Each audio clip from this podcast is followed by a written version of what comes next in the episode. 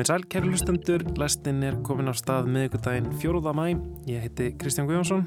Og ég heiti Lóa Björk Björnstóttir og umfjöldunar efni lestarinn í dag eru Almadóvar, Örverubjór og Lukkuflíkur.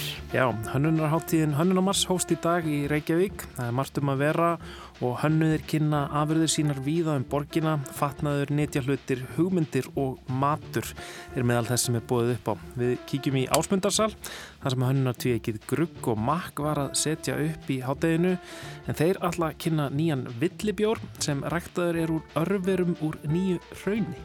Jú, vissulega kemur kannski bakgrunnurinn í, í að uh, nýta mat sem einhvers konar tólkunartæki til að sína fram á einhverja stærri hugmynd úr, úr maturslunni og, og, og þekking sem ég tek þaðan í þetta verkefni, algjörlega.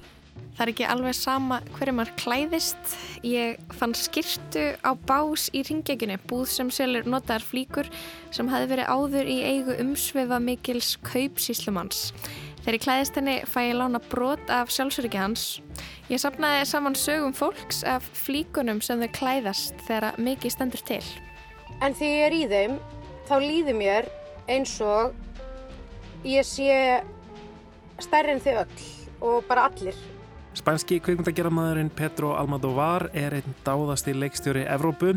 Um þessa myndir má sjá 2003. kvikmynd Almodovars samhliða mæður í Bíóparadís og kvikmyndagagriðandi lestarinnar Gunnar Ragnarsson fór á myndina en hann er forfallin aðdáandi leikstjórans.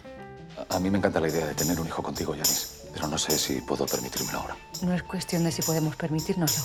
Es cuestión de que ya está aquí. Si Í gær var Linda Björk Árnadóttir, doktorsnemi í félagsfræði Tísku hjá okkur í lestinni að segja okkur frá rannsóksinni á fötum bankakvenna. Neitt. Hún mun koma til með að kynna þessa rannsókn á Petersensvítinu á förstu daginn og það er með hluti að dagskrá hörnumars sem að hefst í dag. Nákvæmlega, það er mikið um að vera í bænum. En hún Linda var að segja okkur frá því að í kringum hrunið hafi ákveðin tíska verið viðtekinn meðal hvenna í bankageranum en eftir hrun var eins og eitthvað hefði losnað um og það hefði orðið frjálsari í klæðavali. Og ég fór að hugsa um þetta tvent, tísku og bankarhunnið og eina ákveðna skirtu sem ég á.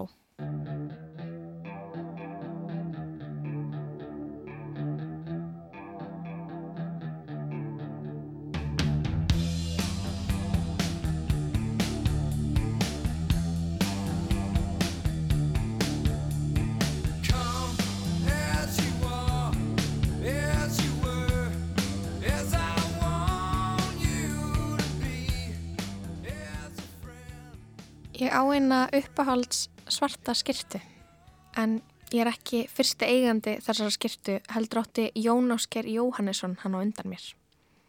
Ég fekk áhuga á Jón Áskeri um það leiti þegar bögsmálið var að klárast.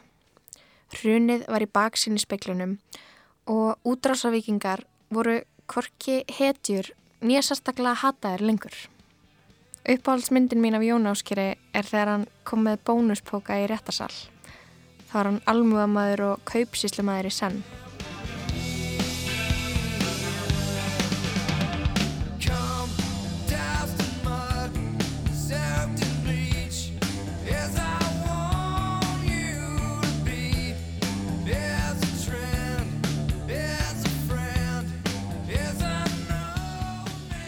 Bauksveldið átti upphaf í maturverslun en eftir aldamótin jökust umsvifin markvallt.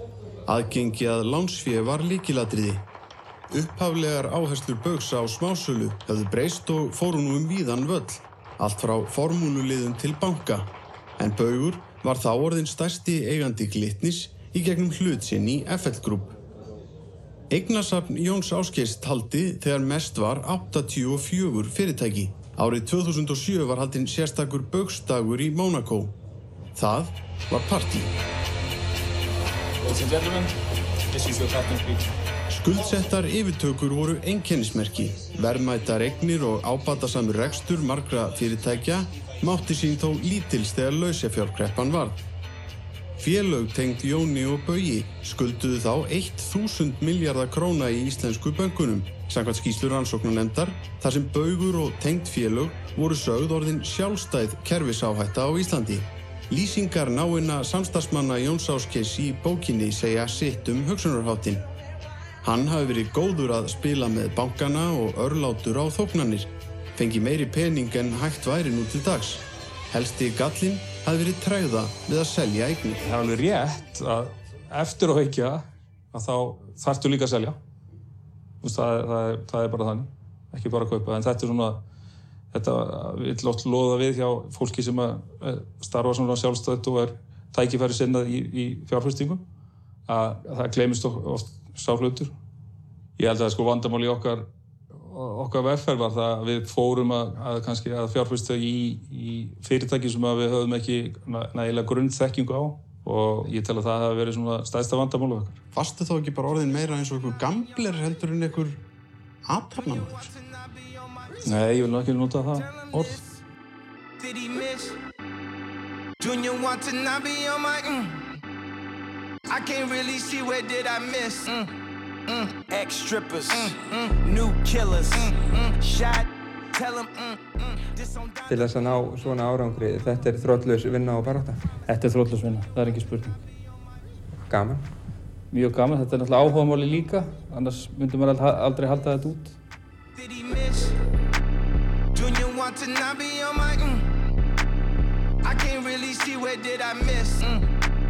Junior want to not be on my mm. Mm. Junior want to not be on my summer Hver var þessi þöggli útrásavíkingur sem hafi verið svona mikið í fréttum alla mína barnæsku? Hann vekti áhuga minn svo ég fór að stúdera hann. Áhuga minn á Jóni snýr aðalega útlitans. Frekar en honum sem kaupsíslumanni þó að þessi þættir séu vissulega samtfinnaðir. Útlitið hans er áhugavert ymmit vegna þess hvað hann táknar í íslensku samfélagi og viðskiptalifi. Útlitið hans í þessu samhengi þar að segja klippingin og föttin lýsa áhugaverðum karakter.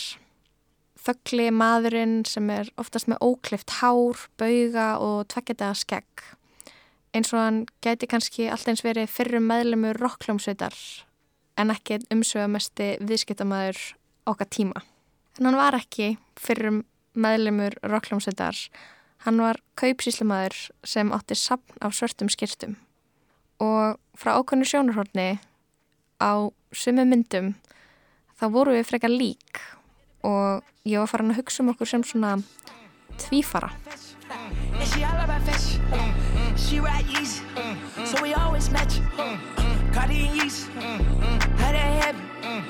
Junior Watanabe, ayy, Jun Takahashi, ayy, undercover, ayy, eat up like a bachi, yeah, yeah. These Bottega, ayy, slime green like wasabi, yeah, yeah. I know the steppers are hitters, they don't do karate, ooh. I got a lamb in a Chevy, I keep my bow in the Buck and the Kelly, yeah. I got a house on a hill and it's empty.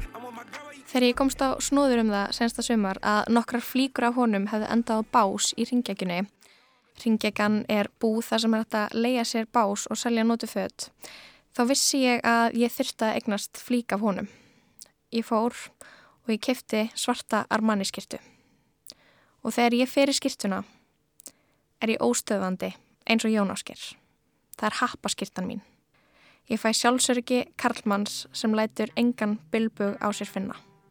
Sama hvað dvínar á, þá stend ég upprétt. Blue jeans, white shirt,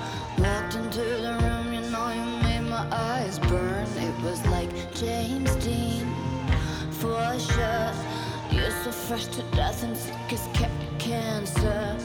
You were sort of punk rock, I grew up on hip-hop, but you fit me better than my favorite sweater, and I know that love is Ég sapnaði saman sögum frá fólki um flíkur, flíkur sem það sækir sjálfströsti sitt í.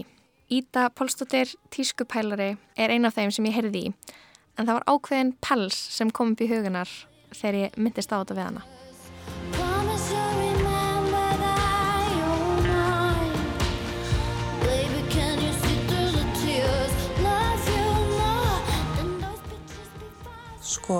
Sem dættur alið hug er eitt ljósblár gerfupels sem ég á ennþá. Um, sem ég var ótrúlega mikið í þegar ég var singul og mikið að djamma og alltaf svona þegar mér langaði að vera geðveitt mikið kjalla þá fór ég þennan pels. Og svo tveim veikum eftir að ég kynntist manninu mínum þá fekk vinkonu mín að lána hann og skilaði mér um mikið fyrir nokkur mánuðum setna og ég tók ekki eins og því sem er svolítið táhrænt og svolítið classic. Komið mann og hætti henni að vera mesta gælan ég confess. You've been a messin' where you shouldn't have been a messin' And now someone else is getting all your best. These boots are made for walking And that's just what they'll do One of these days these boots are gonna walk all over you Ég heiti Sandra Barilli Ég kefti mér hérna Dr. Martens skó með háum botni og svolítið háa upp á kálvana á internetinu, pantaði þá frá útlöndum og fekk það senda heim og þeir eru svona my big dick energy skór. Þannig að alltaf þegar ég þramma um í þeim þá líður mér eins og ég óni uh, allt sem ég er að gera og öll skref sem ég tek eru mjög nýttmiðuð og vel áætluð. Um, þetta eru annars bara svona mjög klassískir skór en ég mæli með þeim ef að Í, það er gott að farið með í kannski atvinnviðtöl þó ég hafi nú ekki farið í mikið af þeim en það er líka gott bara einhvern veginn að lappa um í kringlunni sem er svona stefnulegst svæði út af því að þar þá er eins og þú meinir öll skrefin sem þú ert að fara. Nei ég ætla ekki að segja kringluna ég meina frekar að lauga veginn eða mm, nei ég meina kannski frekar í eins og útlöndum. Þar sem þú ert svona uh, veist í raun og veru ekkert alveg hvert þú ert að fara eða hvert þú átt að fara en uh, þá eru svona skór ákvarðat eitthvað dæmi til þess að hérna, vera með svona uh, purposeful uh, þram skilur og líka bara því þeir eru með háum botni að þá er það bara fengt fyrir bakið og þú ert að lappa mikið í einhverjum borgum sko.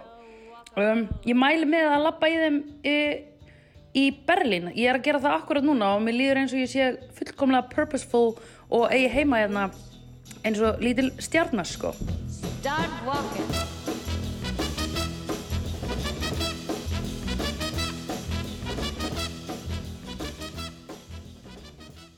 Flík er blár Stone Island jakki. Um, ég keift hann árið 2016 í London í um, búið sem heitir Selfridges og er svona lóksustísku vöruverslun. Og málið það að ég hafði verið aðtáðandi að, að Stone Island merkinu í mörg ár en aldrei keift mér nýja Stone Island flík. Og akkurat um þetta leiti sem ég fór inn í búðina þá var ég orðin heldtekinn af merkinu og, og sögu þess. Þetta er e, tæknilegur klæðnaður þar sem að e, nýsköpun er í raunin sett í fyrsta sæti ásandu þetta fallum sniðum en þetta er merkið með alveg rosalega ríka og merkilega hönnunar sögu og hérna var ég í London með bestu vinum mínum.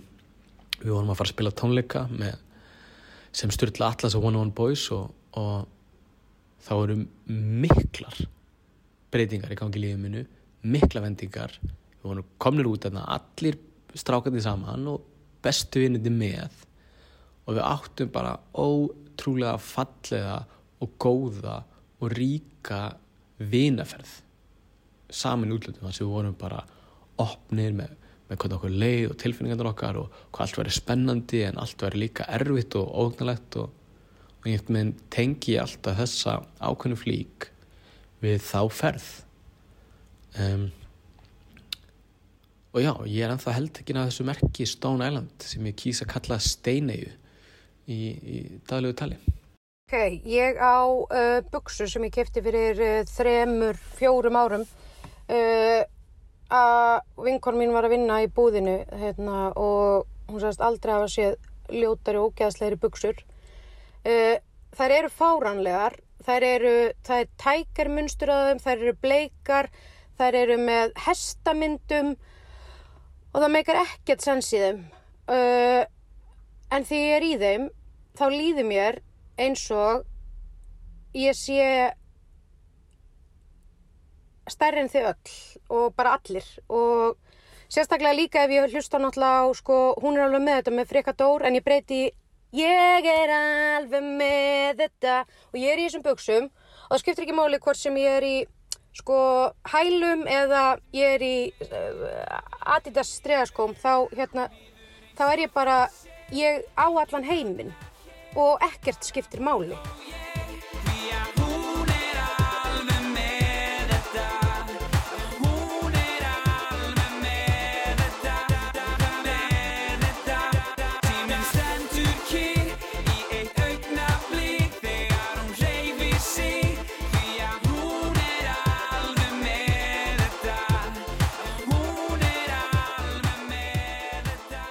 Jón, hver, hver eru þín fyrstu viðbröð við, við þessari dómsugkvæningu? Ég er alltaf bara ákvæmlega ánægð með niðurstöðun og hún er í línu við það sem við höfum haldið fram í þessu máli í hlinn fjór ár.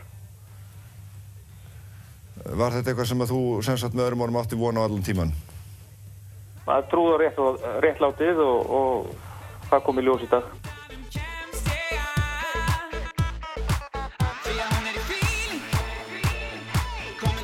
Komin til að sína, mér að hún sé á lífi Allar ekki dansa en nú er maður Þú eh, ert alltaf á þeim stað að allt sem er keift var ónýtt. Það er bara ekki rétt. Það er bara ekki rétt. Það, er- það, það hérna, voru fullt af viðskiptum sem voru gerð áður en að kemur að þessari heimskreppu í fjármálum sem voru bara mjög góð og mjög skynsaleg og skiluðu hérna, arsemi að segja að þetta hafi verið bara eitthvað súrealistisk gambúl út, út í loftið bara stendst ekki sko Þú varst góður í að reyka búð, búðir, uh, farin út í alls konar óskildan rekstur, þú varst farin að fjárfæst í ykkur formúluliði og, og svo var náttúrulega komin alls konar svona furðu lífstíl á ykkur líka, skilur við. Já, já, ég veist, þetta, ég held að, að hérna... Það var svona fíkuruháttur svolítið. Já, alveg voru það þannig, sko.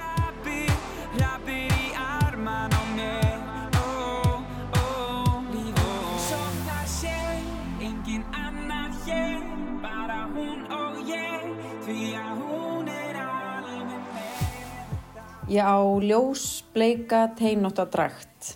Buksurnar eru svona kvart sítt og jakkin er frekar síður með belti um mittið. Ég kefti með draktina þegar ég var að leita einhverju alveg einstöku þar sem ég var, var að fara að skrifa undir samning við þjóðleikhúsi í fyrsta skipti. Ég hef aldrei verið mikil draktarakona en sá þessa drakt í búðinni og hún kallaði á mig. Ég mátaði hana og leið strax ótrúlega vel í henni. Ég vekk svona sjálfsöryggi, fannst ég vera bara svona frekar powerful einhvern veginn og bara svona leiðin sem ég væri að fara að vinna. Vinna eitthvað, geggjað. Og síðan þá hef ég notað dræktina nokkur sinnum. Ég passa mig að nota hana ekki of oft af því að líðanin er frekar einstök. Ég hef alveg notað hana í veislum og svo leiðis og hún er svona algjört go-to þegar ég veit ekki í hverju ég á að vera. Ég fæ alltaf mörg ég klæðist draktinni og ég hef aldrei séð neina aðra konu í einn drakt. Það eru svona smá axlapúðar sem gera mann svona smá, það er eitthvað svona býr til einhverja línu. Svo hún líka bara ótrúlega þægileg og mér finnst ég einhvern veginn alltaf vera aðeins bytni í baki þegar ég er í henni.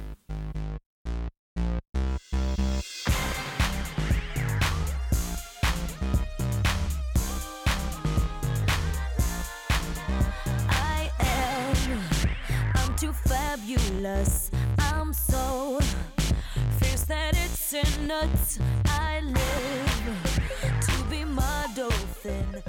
Sælblessu, Björn Leo hér, handreitshöfundur og vilsingur. Um Happaflix er, uh, ég á einn jakka sem ég kefti á netinu um, fyrir hvað, þri, rúmlega þreymur árum sem að þá var ég svona að reyna að kaupa mér fáa hluti og vanda og þar leiðandi mjög dýra. Og ég kefti mér svona Kenzo uh, bomberjakka uh, og já, hann, ég er búinn að nota hann núna geggja mikið í hvað rúmlega þrjú ár og Þetta er bara svona flík sem að um, er bæði hægt að dressa upp og niður. Það er að vera cool í honum, þetta vera snirtilegur röff uh, og er bara úr svona gett góðu efni. Þannig að hann sjúskast ekki, hann er alltaf svona snirtilegur og þægilegur, andar vel og er bara óslega vöndið vara. Og um, ég er þeirra skoðunar að ef maður er í fötum sem eru úr góðum efnum uh, já, svona efnislega og útlýtslega þá maður bara betri manneskja. Það er bara þannig að mann líður óslega vel. Uh, og já, þú veist, fötin gera mannin eða eitthvað um, sem svolítið hallaræslegt svona seging, það minnir mann bara einhvern veginn á svona, eitthvað svona jakkafata týpur af því að það er ekki bara málið um, það er hægt að vera flottur að þess að vera í jakkafutum Þannig já, þetta er svona jakki sem ég hoppa alltaf í bara bæða á leðinu út þegar ég ger eitthvað hverstarslegt og þegar ég ger eitthvað um, mikilvægt, fara fund, uh, já, eða á jammið. Hendar einhvern veginn í allt og maður fær geð mikið power, power út úr því. Að vera örugur, snýst þetta ekki um það, að vera örugur í því sem maður er búinn að uh, klæða sig í. Aha, færðu kjánarhóllu og hugsaðum þetta í dag? Ég myndi ekki gera þetta í dag. Nei, en Það hefur er- efna á þessu í dag? Nei, ég hef ekki efna á þessu í dag, en, en, en veist, ég myndi ekki, ég held að allir sem hafa gengið í gennum hrunið horfðu til þess að, að kannski voru þarna hlutir, sérstaklega og minnist á svona hlutir, eitthvað sem maður myndi ekki gerast aftur.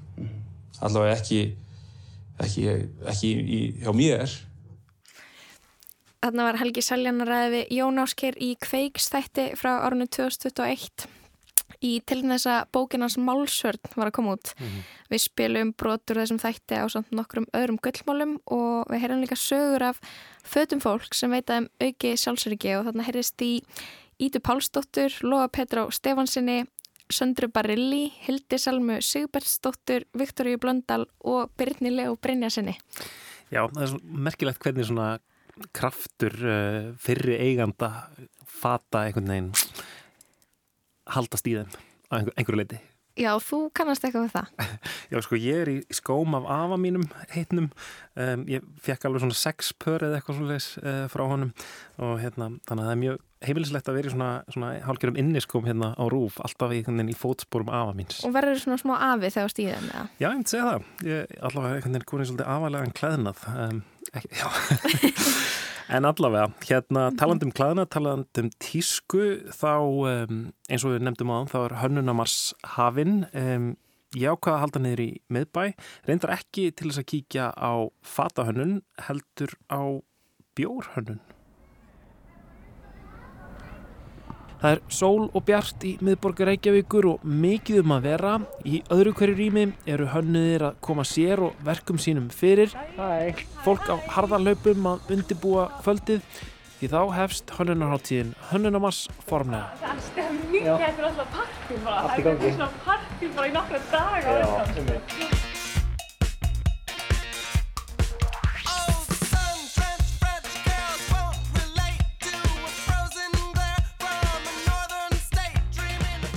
Í ásmundarsal fer fram samsýningin Undirland uppstreymi. Þar koma tvö verkefni saman sem tengjast vistkerfi hrauns á bæði ör, kvarða og stórskala.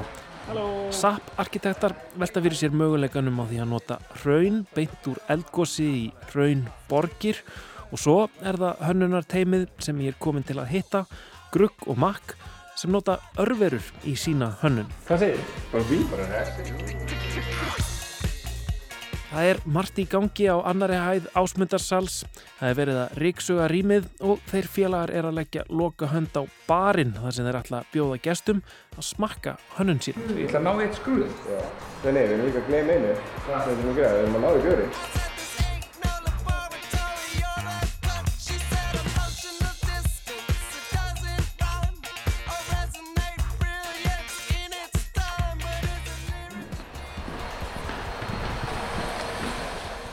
Ríksuga reyndar sökkar svolítið í útvarspiðu. Heldur hún einnig getur? Ég ætlum sér að taka allan salin. Ok, og Ef við getum kannski spur- farið upp á þak. Já, við gerum svalina. Já, við gerum það. Gerum Já. það.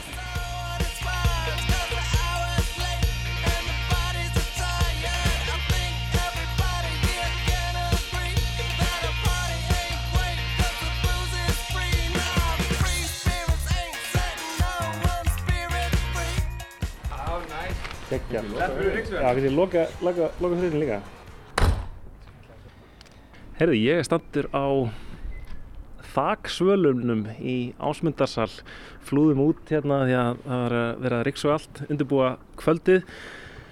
Hérna um, fer Hönnamars meðal annars fram, fer fram út um allan bæ og ég er komið með tvo af þeim sem er að sína hérna í salnum fyrir neðan. Það eru Grugg og Makk. Kannski fæ ykkur bara til að kynna ykkur með nafni svona til að byrja með. Já, ég heiti Kjartan Óli Guðmundsson. Ég er Sveit Steinar Bendiksson. Þið báðir svona, hvað ég var að segja, bakgrunn í, í öðrum, öðrum greinum heldur en hönnun, en það ekki? Mm, Ég er hérna, ég mentaði matrislamæður, búinn að starfa við það í tíu ár og fór svo að lærði hönnun 2016 í listaháskólanum og útskriðast 2019 og síðan þá verið svona að blanda þessu kannski aðeins saman á einhvern nátt. Jú, ég lærði sem sagt grafík og, og svo var ég master upp í listaháskóla. Svo maður bara búinn að gera alls konar, myndlist og hönnun og tónlist og hitta þetta. Mhm. Já, og, og örverur. Og gætið. Og gætið, já, leysum með. Já. En hérna þetta verkefni, hérna Grugg og Makk, þið eru svolítið að blanda svona um, ykkar, ykkar fyrir, eh, svona öðrum störfum inn í þetta líka, eða ekki? Uh, matreiðslunni og, og, og hljóðunum og hérna þessu. Leysögnin, svæðin, einmitt, jú, jú, landið. Já, skoða landið og jú, vissulega kemur kannski bakgrunnurinn í, í að uh, nýta mat sem einhvers konar túlkunartæki til að sína fram á einhverja stærri hugmynd úr, úr matrislinni og, og, og þekking sem ég tek þaðan í þetta verkefni, algjörlega. Hérna, segið mér hvað þið eru að gera, hvað þið eru að sína eða, eða kannski lefa fólki að smakka hérna uh, á hönnunamars. Já, við, við söfnum uh, viltum uh, gerkúltúrum úti í náttúrunni á mismunandi stöðum með sama grunn, grunn virtin sem er með og svo ræktum við það upp og í samstarfið ægir brugghús gerum við, gerum við bjóra eftir mismunandi stöðum og reynum að smakka staðina út frá þessum bakteríuflórum, þessu vilt að geri. Hvern, hvernig sækir maður svona bakteríur út í náttúruna? Við sem sagt leituðum kannski í bara svona gamlar aðferðir við það eins og bjór var kannski gerður svolítið uh, fyrr á eldum en nýttum okkur svo hérna nútíma þekkingu og vísindi í að greina það. var sem sagt við tökum í raun og veru bara bjórgrunnin, virtin Hvað er virt? Virtur er sem sagt bara grunnur að, að bjór áður en hann hérna sem sagt bara kornsafinn, maltaða kornið uh, sett út í, í vökvinn áður en hann verður sem sagt uh, að bjór, sem sagt gerjast yfir í áfenga bjór. Þannig við tökum sem sagt bara þennan grunn hérna virt sem sagt uh, og, og setjum hann út í 24 tíma á mismunandi staði eins og sögum aður og tökum hann svo inn og, og leiðum að sjá hvort það byrja að kveikna eitthvað líf í honum og hérna svo tökum við það líf og, og vinnum aðeins áfram með það og, og, bruggum hérna að lokum bjór sem að hefur þá einkenni þess svæðis sem að örfurnar voru sapnaðar á og líka í raun og veru og tími skiptir líka Mhm. árstími skiptir líka máli út af þess að lífverður e, kjósa vantarlega eitthvað skonar ákveðið umhverfi og, og, og ákveðin veðurskilirði Mhm. og það eru mismunandi e, tegundir eða, eða undirtegundir af þessum lífverum sem að sapnast kannski á, á ákveðnum stöðum og ákveðnum tímum og þau gefa frá sér mismunandi bragðu niðurstöður eftir sem sagt, gerjun og mismunandi eiginleika í, í drikkin. Þannig að ef maður, ef maður bara setur einmitt, eh, grunninn að bjórnum einhvers þar út þá, þá fyllist hann af einhverjum örverum sem að þið náttúrulega veljið ekki. Þetta verður svona einhver svona... Já, við veljum það reyndar að einhverju leiti þar sem við undirbúum svona uh, grunninn sem svona kjör aðstæður fyrir þær örfur sem við sækjumst eftir eða einhverju leiti. Þannig að við svona notum ákveðna aðkveður til að forðast miklu og, og fleira, fleira þannig. Mhm. Og, og hvar eru það að sækja þessar örfur? Við erum búin að fara góða ferð á Snæfellsnesið, fórum á tíu mismundi staði þar. Góðan hring. Góðan hring þar. Og svo erum við með nokkur leini staði sem við erum að vinna í núna fyrir kannski bara framhaldið. og það er bara, já, við förum bara ótrúlega staði. Það er svona ákveð þema líka svona, sem við erum að pæli. En já, við byrjum á Snæfellsnesi, fórum á tíu stæði og þá völdum við svolítið eftir mismunandi umhverfi, sko, nálat sjónum, ofalega sem var aðeins kaldara, þú veist, það var mikill gróður eða lítill gróður og eins og það sem við erum með núna á sýningunni var úr hrauni. Það sem var mikið hraun, þá kannski minna um gróður Hmm. og þá kannski sjáum við allt öðru í sér bakteríuflóru sem að við, við föngum. Og hérna, eru þið búin að smakka já, allar tegundirnar af bjórnum núna? Já, er- já, já. já, já. og, og, og finnum, finnum maður mun? Já, það er skemmtilega. Þú finnur bæði mun og svo getur líka fundið eitthvað svona tengingar og svo eins og Kjarta var að segja þá fórum við þarna í byrjun júli og svo, svo náði sko hefnir, náðum rétt fyrir, fyrir fyrsta nætufórasti þarna í oktoberum minn mig. Og þá gæti maður sé sko líka hvað var svipað á milli sömu staðana en samt ólíkt með tíman sko. Eins og Kjartan segja hann að koma þarna sumri til eða, eða bara þarna rétt fyrir fyrsta nætufórasti að hausti til. Getið þið eitthvað sko, komið orði að bræðum muninum? Í- Já, hann er náttúrulega bara uh, rosalega mismunandi. Það, eru reynur svo mörg orð að það kannski hérna... Það er, er rosalega gaman að- að sitja með sko bruggurunum, sko bjór, hérna, bruggurunum og sérfræðingurunum og, og líka vínsmökurunum og heyra bara sko orð, orð, orðin og allt sem þau, þau hafa yfir þetta sko. Það er aðeinslega að fylgjast með sko. Þau greina þetta alveg í þaula sko. Hann verður svolítið súr bjórin uh, út af því að það er ekki, já það eru þannig, uh, oftast þannig örverur sem að, sem að sækja í hann sem gera hann pínu súran og það er, gera hann líka bræð betri að, mörg, að mörgum fyrst. Og hann verður oft mismunandi súr og svo koma alls konar svona bræðtón og sumir eru kannski með svona negultón og sumir með smá svona sítrus eða, eða svo eru trópískir ávextir sem að gerin búa til og, og alls konar, papaya og mango og það er bara rosa svona stór bræð heimur sem að maður getur fundið sko. Já, það er ekki, ekki eitthvað sem maður endilega tengir við íslenska náttúru en þá í þessum smæstu Já, verum já, náttúrunar þá já. býr þetta bræð samt einhvern veginn. Já, hann er ávakst á trópiska bræði, sko, falir, einmitt, ákveðin auðlind sem býður okkur. Hérna, en þið semst eru að bjóða upp á þessa bjóra, hérna, um, hvað allan hönnamars eða hvað? Nei, við verðum sem sagt núna í, í kvöld frá 6 til 10 og svo ætlum við að vera á föstudaginn uh, 3 og 5 og laugadaginn 3 og 5 og Svo var dagskrá hann aðeins vikun eftir líka. já, við höfum eftir að skoða Sem er, það. sem er náttúrulega inn á heimasíu Hönnamars, við erum bara, munum ekki alveg hennu. Uh, fólk getur líka að skoða bara Grugg og Makk Instagramið uh, og séð hvort við séum á sveðinu eða ekki. Já. En, en er, er það að sína eitthvað meira heldur en, heldur en e, bara það sem fólk getur smakkað? Já, við erum hluti af uh, stærri síningu, sérst. það sem við ástæðan við nefndum á hana við völdum hraun í þessa síningu er vegna þess að við erum hérna að sína með SAP arkitektum uh, verkefni sem þau kalla hvað, hraun lava forming, Já. hvað var það á íslensku? Hraunmynd, nei hvað? Ma- við munum ekki nafnið á íslensku, en þetta er lava Lava forming forming. á, á Já. einsku. Flottar á ensku. Já, já.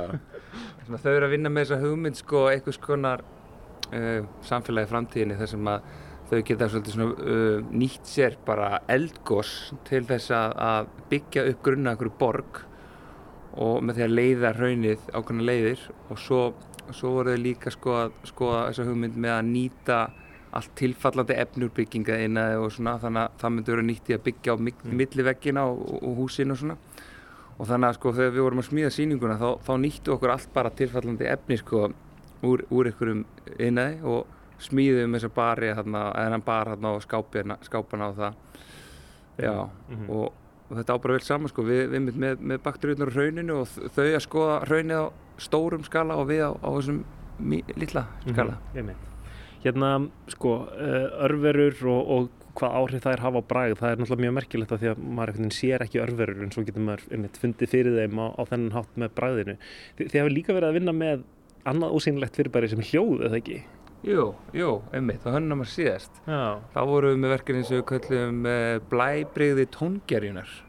Þá vorum við líka í samstarfi Óla í, í Ægir Brugus og þá sem sagt gerðum við uh, í fjórum mismunandi svona gerjunarfötum nákvæmlega sömu aðstöður, sömu kælarnir og allt saman nema þar voru sko hátalarar undir hverjum hérna, hverri fötunni eða já og spiluðu mismunandi eða tíðni af sínuspilgju sko á mjög góðum styrk í allan tíman sem það var að gerja sko wow. og að reyna að aðtöða sko bræðmunin á veist, þessum, þessum utanakomandi uh, áreiti áhrifum á, á ger, geri sem var í gangi þannig, já Og hefði það einhver áhrif? það var, það var svo skemmtilegt hvað fólk fann munin sko. Já, við fengum í raun og veru bara fólk til að smakka og, og Já, sérfræðingana. uh, Já, sé já. bæði, bæði fagmenn og, og, og ófaglæra hérna. og hérna, já, það væri, fólk vildi meina að það væri eitthvað skona munur sko. Já. Þannig að bjórin, hérna, það er ekki bara blekkinga bjórin sem að er hérna, serveraður á, á börum bæjarins með dundrandi teknotónlist, hann er betri. Ah, það má alveg færa ykkur aukur því já. góð stemning já. Heyrðu, hérna, klukkan glímur, uh, grugg og makk, kjartan og sveinn. Um, já, bara gangu vel að undirbúa fyrir hönnamars sem að fyrir og eftir. Takk fyrir okkur.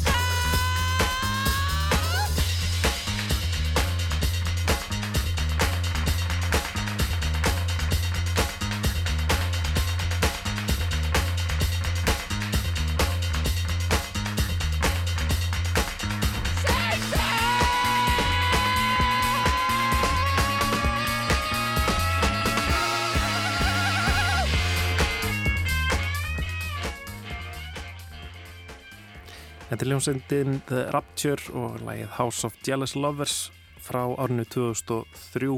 Þannig var rætt við Grugg og Makk sem er að bjóða upp á örveru bjór í, í ásmundarsal. Öruglega bara nákvæmlega núna. Spennandi, fyrst að smakka? Nei, reyndar ekki. Þeir voru ekki búin að hérna, koma, koma bjórdælunum fyrir. Ok, hann var ekki tilbúin. Ekki tilbúin, en, en það er örgulegt smaka í kvöld. Um, en við ætlum að snú okkur að kvikmyndum. Já, Gunnar Ragnarsson uh, rínir í kvikmynd spanska leiksturans Pedro Almodovar, Madres Paralelas. Um þessar myndir má sjá 2003. kvikmynd Petros Almodovar, Madres Paralelas eða Samhliða mæður í Bíóparadís en síðan 1979 hafa linnulöst streymt verk úr ranni leiksturans að jafnaði á tveggja eða þryggjára fresti. Litríkar, munáðafullar og bráðfindnar kvikmyndir Almodovars eiga sér fáar líkar í samtíðsinni en megin enginni er upphafning og úrvinnsla á ímiskonar lámenningu, pölp frásögnum og greinamyndum. Almodovar sleitt bartskónum í listasenu Madridar 8. áratugurins, tróð meðal annars upp í drægi sem söngvar í glamrock sveitar og var hluti af Movida reyfingunni sem gerði uppreist gegn borgarlegum gildum og kúun frankótímans á Spáni. Aðferðir og fagufræði pönksins einkyndu einnig hræ ódýrar frumreinir kappans, en andof þeirra fólst í blíðunarlausri framsetningu á kynlífi og almennu smekkleysi í andakvikmynda Johns Waters.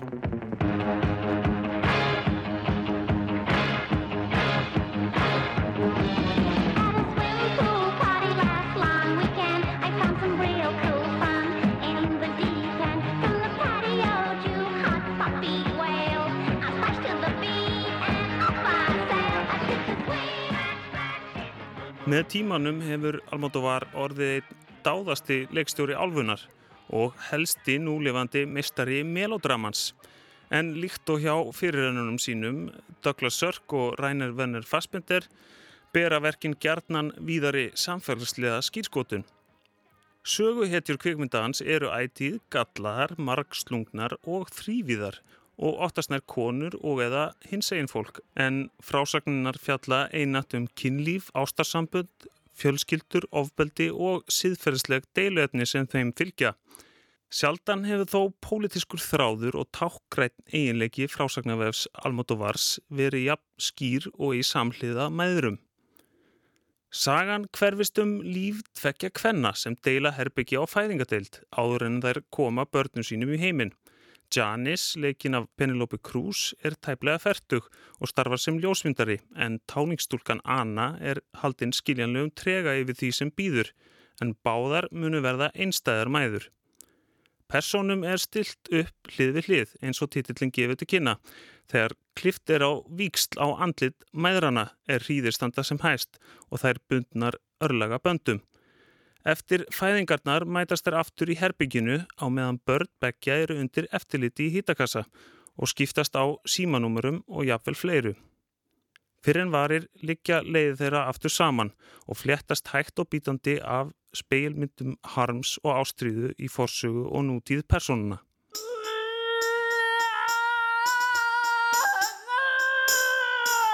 A mí me encanta la idea de tener un hijo contigo, Yanis, pero no sé si puedo permitírmelo ahora. No es cuestión de si podemos permitírnoslo. Es cuestión de que ya está aquí. Si vuelve aquí no hará sino remover las cosas. Yo no puedo perder esta oportunidad. Si dejo la compañía no volveré a trabajar nunca más. Pues vete de gira. Eilítill undanfari er þó að megin upplegi sögunar en myndin hefst með ljósmyndatöku fyrir tímaritt af Arturo, myndarlegum fordleifafræðingi. Eftir myndatökuna býður Janis Arturo um hjálp við að grafa upp fjöldagröf þar sem hún ólst upp en þar kvílir afhennar á samt miklum fjölda þorsbúa sem fjallu fyrir hendi sveita Frankós í borgarastíðinu. Þessi þráður um ofbeldi fortíðar og sannleiksleit rammar inn söguna og er líkill að öllu verkinu. Samtal Janisar og Artúrós leiðir að kynlífsenu eins og við má búast hjá Almodovar sem síðan stekkur rakleitt til Janisar og önu á steipinum og ber beinskitt atriðarunan vittni um meittlaðan frásagnamáta. ¿Tú de qué eres? Yo soy apolítica. Mi trabajo es gustarle a todo el mundo. Pero ¿y tu hija dónde está? No soporto que te la lleves. ¿No pensaste nunca en mí? Todo el tiempo. Mi amor, yo te quiero mucho, ¿eh?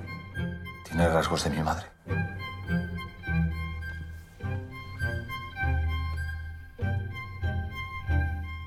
Söguheimur myndarinnar er kunnulegur fyrir þá sem þekkja til fyrir verka höfundarins. Melodramatísk grunnfléttan setur personar í aðstæður þar sem alltaf dýrmætasta er undir og það sem er hugsanlega rétt stangast á við innstu eðliskvatir og tilfinningar. Personur Almodovars, líkt og verkans, rata þar með oft inn á síðferðisleg sprengjusvæði og eru þar seint innan velsæmismarka sem er eitt af því sem gerir þær svo mennskar. Fáir að minnstakosti karlhöfundar skrifa jafn markbrotnar kvennpersonur og Almodovar en í samhliða mæðurum er móðurhutverki í brennidepli eins og oft áður. Grunnfléttan snýr að algjörum frum óta móður eða foreldris djúbstæðum og skiljanlegum en líka óröggréttum og myndir raunar sóma sér vel í hvaða sábóperur sem er. Melodrömu sækja í slík skapalóm til að draga upp sem stæstan tilfinningaskala sem getur vitanlega verið bölva brask og ódýr fró en hjá Almodovar er úrvinnsla og hugmyndaauki einstök. Frásögnin býður áhörandanum ekki aðeins að finna hliðstæður milli maðurana tvekja heldur einnig á breytni og aðstæðum persónuna í nútíðinni annars vegar og samfélaginu og sögu þess hins vegar. Líkt og spænst samfélag virðist tekstinn gefi skín að Janis reyni að bæla áfall og þekkinguna um það sem er glæpur í sjálfu sér, keimleikur afneitunni á morðum borgarastísins. Gert er meðal annars grein fyrir þessu á sjónrænan máta með erðaefnisprófum sem Janis framkemur á sér og barni sínu og fortleifafræðingun Artúru gerir sumu leiðist við afkomundur þeirra sem kvíla í fjöldagröfunum í vonum að auðkenna jarneskar leifarnar. Sömulegis virðast aðalpersonur myndarinnar og fjölskyldu þeirra vera fulltrúar ákveðina stjætta. Janice er úr fátaku þorpi, alin upp af einstæðum mæðurum en móðir hennar var hippi sem dó fyrir aldur fram. Anna er úr borgarlögum hverfi eða úr þeim hópi þjóðarinnar sem kaus að gleima. Móðir hennar sem gegnir stuðningslutverki í myndinni gerði þó ákveðna uppreist með því að elda leiklistardraum sinn sem þýtti að Anna var skilin frá henni ungað aldri sem er enn einn hliðstæða við ógöngur atbyrrarásarinnar. Anna og Janice eru báðar sjálfstæðar konur en hallar þó augljóslega á táningstúrkuna í valdasamhengi þeirra tvekja. Í ljós kemur að barnspurður var afurð ofbeldis, hæstu valdsviftingar sem hefur þó framkallað fegurð og kallast einning á við stærri samfélagslegu myndina. Slík tákgræn smáatriði eru fjölmörg og ekki öll blæbyrði merkjanleg alþjóðlegum árandum sem eru ekki sérfróðir um spænst samfélag, gerir ég ráðfröðir. Aðteglisvert er að máta atbyrgarásina inn í þessa tákgrænu vít verksins. Vel er hægt að setja sig í spór Janisar og sorg hennar en breytni hennar í kjölfærið er bagaleg að mörgu leiti. Afleiðinganar eru þó engar og Anna fyrirgefur henni á einni nóttu og gæti það líst almennri væntum þykju höfundarins til personuna og tregðu hans til þess að fella siðferðistóma yfir þeim. Ef svo afstæða er yfirfærið á úrlaustmyndarinnar er hægt að tólka pólitíkmyndarinnar á þann veg að ofbeldi fortíðar verði að fá almennilega viðurkenningu svo þjóðin geti haldið áfram og byggt heilegri framtíð. Sumum gaggrínundum hefur þótt mæðra flétta myndarinnar og pólitísku rammin fara illa saman. Niðurlæðið kemur vissilega eilítið úr lausu lofti og nýtur snögglegan endapunkt á dramað sem er þótti ekki endilega löstur. Ef til vill var ég í hlutverki fórfallins aðdánda sem einfallega flýtur með í ströymi mistarans en saga kvennana kók glifti mig. Líklega er það út af andrúsloftinu, persónusköpunni og leiknum, sömu ástæðina og maður sækir aftur og aftur í verkans. Penelope Cruz og Almodovar vinna hér saman í sjönda sinn og er hún mögnuð í aðalhutverkinu með frábært leikarlið sér við hlið. Þó ber að nefna að fluttningur Almodovars og José Luis Alcaínes, stjórnanda kvikmyndatöku, úr filmu í stafrænt hefur haft slæm áhrif á myndmálið og ítir einum og mikið undir telenovela brag frásagnarinnar. Litadýrð í sviðsmynd er á sínum stað og fallegt er sjónrænt leiðarminni þar sem allur ramminn döknar rólega í kringum andlit krús aðaleikonu og framkallar nostalgíska áru síkildra Hollywoodmynda. Að öðru leiti virðist nálgun þeirra nánast óbreytt frá filmudögunum sem bytnar á útkomunni.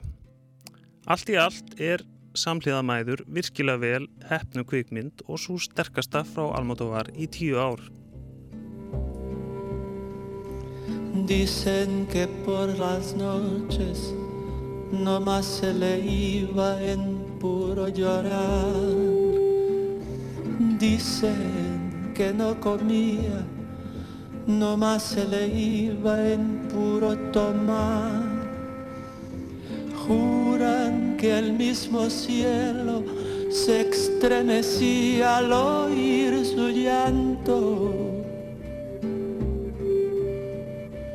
Como sufría por ella, que hasta en su muerte la fue llamando.